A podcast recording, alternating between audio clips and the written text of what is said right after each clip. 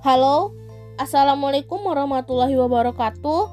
Selamat pagi, perkenalkan nama saya Aulefika Melanda dari kelas LPI 1A pagi dengan NIM 4132 101002. Di sini, saya akan menjawab pertanyaan mata kuliah kewarganegaraan dengan tema Apakah kecanggihan teknologi digital berpeluang menggerus tatanan identitas nasional?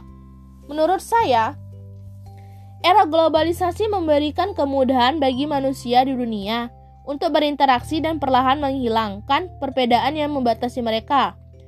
Identitas nasional merujuk pada kewarganegaraan yang dimiliki seseorang. Perkembangan teknologi di era globalisasi ini memungkinkan identitas nasional bersifat dinamis. Sedangkan saja, identitas nasional memiliki fungsi, yaitu yang pertama, sebagai pemersatu bangsa, yang kedua, sebagai ciri khas yang membedakan sebuah bangsa dari bangsa yang lain. Yang ketiga, sebagai pegangan atau landasan bagi sebuah negara untuk berkembang atau mewujudkan potensi yang dimiliki.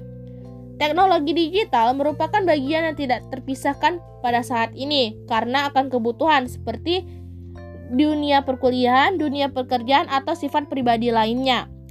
Teknologi mempunyai dua dampak. Yang pertama, dampak positif adalah Sikap etos kerja yang tinggi dan disiplin dari negara maju yang harus kita tiru demi kemajuan identitas bangsa kita sendiri.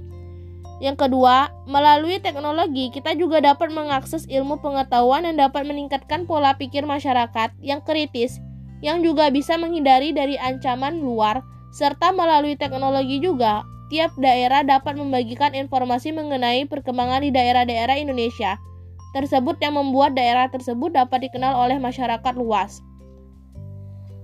Yang kedua, dampak negatifnya terhadap identitas bangsa-bangsa Indonesia yaitu nilai-nilai negara barat semakin menguasai bangsa Indonesia.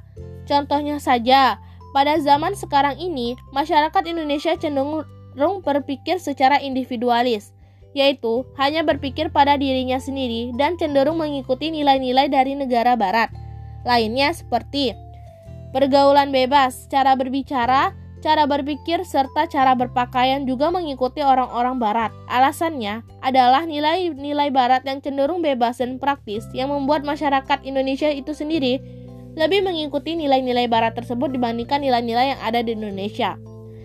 Kesimpulannya, globalisasi merupakan kekuatan unik yang tak dapat dibendung. Ia menerpa batasan-batasan nasional, merubah cara berpikir dan perilaku yang sudah terbentuk dengan mapan.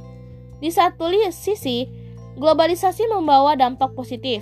Namun, demikian, globalisasi juga meninggalkan dampak negatif pada sebagiannya lainnya.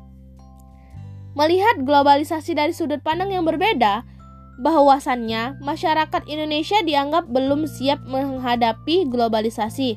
Kenapa? Karena sebagian masyarakat kita sendiri masih belum bisa atau mampu menyaring budaya asing yang masuk melalui teknologi. Sementara Indonesia sendiri pun memiliki ragam budaya yang beraneka ragam dan berbeda-beda. Sekian dari saya, apabila ada kesalahan, mohon dimaafkan. Wabillahi taufik wal hidayah. Assalamualaikum warahmatullahi wabarakatuh. Terima kasih.